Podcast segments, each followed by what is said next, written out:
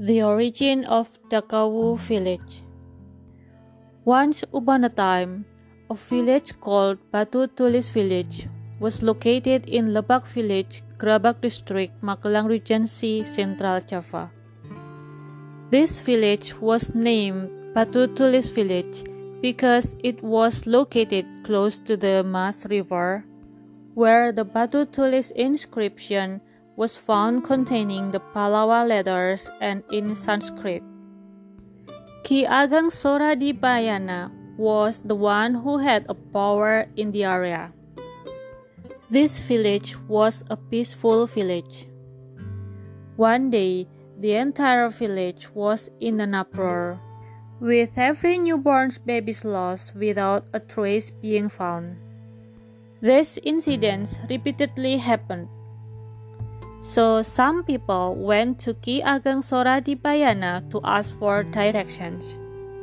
Ki Ageng Soradipayana said that the Batu Tulis village must be moved to the south. However, the disaster continued even worse because babies can also be lost during the day.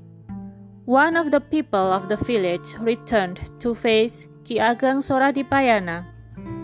Then Ki Ageng ordered the people to find as many cinders to be sprinkled on the road, in the yard, side, and back of the house throughout the Batu Tulis village. Ki Ageng also asked the people not to leave the house at night. When a baby was born, the whole street and around the house is sprinkled with cinders. The next day, an incident occurred that shocked the village. There was a snake as giant as a coconut tree coiled in the baby owner's yard.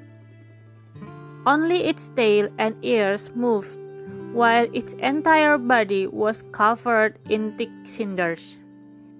The snake like creature is a freshwater fish from Kedung Kupit in the Sagara River.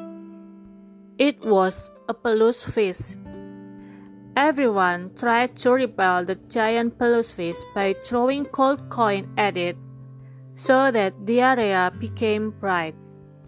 Then the giant peluche fish disappeared.